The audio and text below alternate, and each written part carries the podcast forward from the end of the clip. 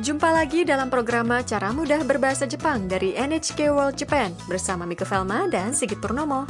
Hari ini pelajaran 12, bagian ke-1 dari dua bagian untuk mengungkapkan kesan dan menjelaskan sesuatu.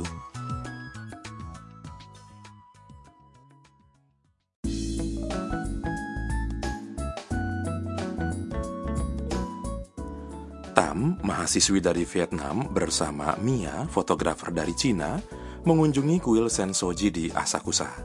Mereka menuju kios penjual jimat. Jimat Jepang atau omamori diyakini bisa membawa keberuntungan atau untuk tolak bala. Mari kita dengarkan pelajaran 12.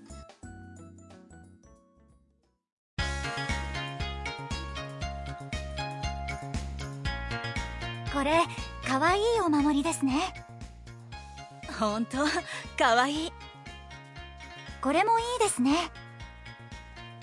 それは縁結びのお守りです800円になります縁結縁結び恋人ができるお守りじゃあこれをください Kita ulas percakapannya. Tam mengambil sebuah jimat yang ada lonceng kecilnya dan mengatakan, これかわいいお守りですね Ini jimat yang menggemaskan ya? Mia setuju. Honto, kawaii. Iya, benar-benar menggemaskan. Tam melihat jimat lainnya yang menarik perhatian. Ne. Yang ini juga bagus. Pramuniaga menjelaskan. Itu adalah jimat en musubi. 800 yen Harganya 800 yen. Tam tidak terlalu mengerti apa yang disampaikan Pramuniaga. En. En musu. Mia membantunya. En musubi, koibito ga dekiru omamori. En musubi, jimat perjodohan untuk mendapatkan kekasih. Tam meminta pramuniaga untuk memberikan jimat tersebut. Ja, kore o kudasai. Kalau begitu, saya ambil yang ini. Omamori dibuat untuk berbagai tujuan, seperti misalnya biar sukses dalam bisnis, keselamatan perjalanan, agar dapat nilai sekolah yang bagus, dan yang lainnya. Tam memilih jimat biar enteng jodoh.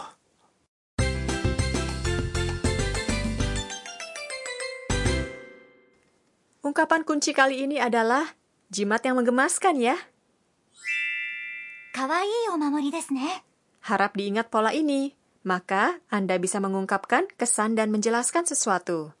Berikut ini penjelasan ungkapan hari ini. Kawaii adalah kata sifat yang artinya menggemaskan omamori adalah jimat. Des mengakhiri kalimat dalam cara yang sopan.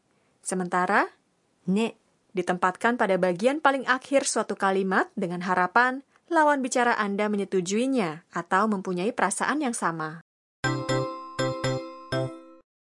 Poin hari ini tentang kata sifat. Sama seperti kawaii. Semua kata sifat yang berakhir i disebut kata sifat i. Kata sifat i bisa memodifikasi kata benda yang ditempatkan sebelumnya, seperti kawaii omamori, yang artinya jimat yang menggemaskan. Tapi Mia tidak menggunakan kata benda. Ia hanya mengatakan honto kawaii. ia benar-benar menggemaskan. Bisa juga. Sebuah kata sifat i bisa berdiri sendiri, seperti untuk kawaii atau menggemaskan. Menambahkan desne di akhiran akan membuat kawaii desne terdengar lebih sopan. Apakah ingat saat Tam mengatakan kore mo ii desu ne? Yang ini juga bagus.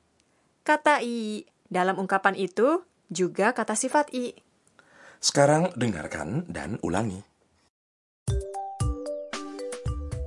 Kawaii. Kawaii desu ne. かわいいお守りですね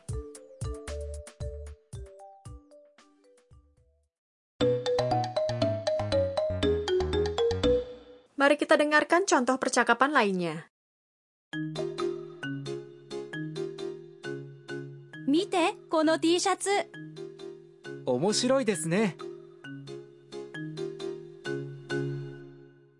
Berikut artinya.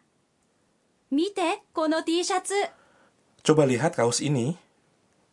Mite adalah kata kerja yang berarti lihat.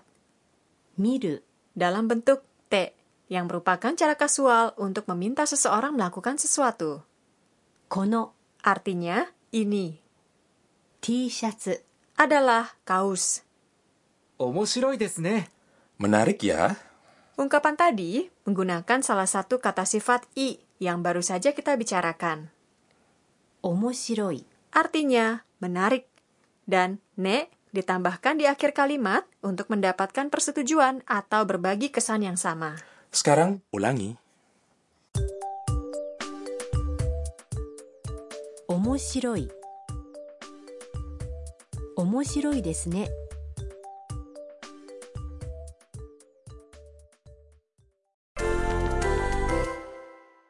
Mari kita latihan.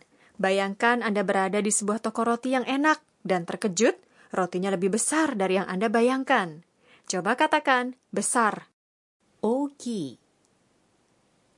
Oki. Oh, Cobalah.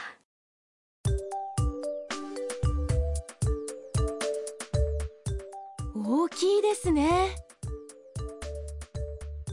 Oki desu ne. Berikutnya, Anda berada di toko souvenir dan melihat sebuah dompet yang bagus, tapi mahal. Coba katakan mahal. Takai. Takai.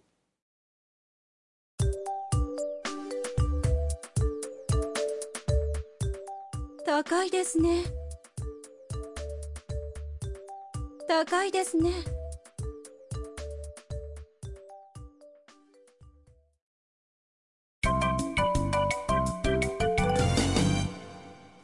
Bonus ungkapan hari ini berasal dari ucapan Tam. Harap diingat ya. Koreo kudasai. Koreo kudasai. Artinya, saya ambil yang ini. Kudasai adalah ungkapan untuk meminta sesuatu. Saat belanja, katakan ungkapan tersebut sambil menunjuk barang yang Anda mau. Atau, jika berada di restoran, tunjuk menunya dan katakan, Koreo kudasai. Pelayannya akan mengerti. Sekarang giliran Anda.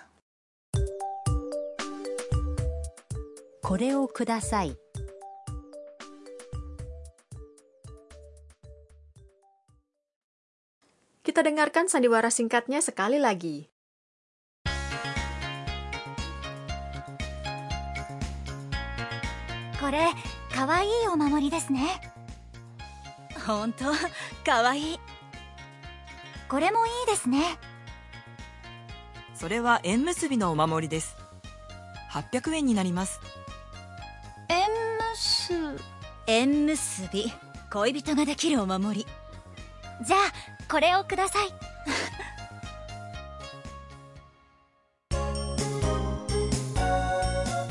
ミーヤーのトラベルガイド Waktunya panduan perjalanan Mia. Sandiwara singkat hari ini berlangsung di kuil Sensoji. Jadi kita akan berbicara tentang kuil di Jepang. Ada dua jenis. Kuil Buddha disebut Otera dan satu lagi Jinja, kuil Shinto.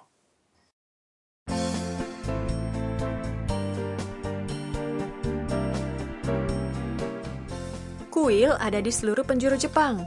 Sejak dahulu kala, dewa-dewa Shinto disembah di Jinja, sementara agama Buddha masuk sekitar 1500 tahun lalu.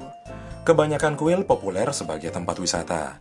Salah satu alasannya adalah keterampilan dan teknologi kuno yang digunakan untuk membangun kuil, patung-patung Buddha, serta artefak lainnya. Dan tentu saja tamannya yang indah. Kuil Buddha Sensoji yang ada dalam percakapan hari ini dan kuil Shinto Meiji Jingu merupakan tempat wisata populer di Tokyo. Di Nara, Jepang Barat, juga ada kuil Todaiji yang terkenal berkat patung Buddha Agung. Sedangkan kuil Shinto Izumo Taisha di Provinsi Shimane dikenal sebagai daerah yang penuh dengan mitos. Kuil-kuil yang populer biasanya disesaki pengunjung, jadi saya anjurkan untuk datang di pagi hari saat gerbang baru dibuka.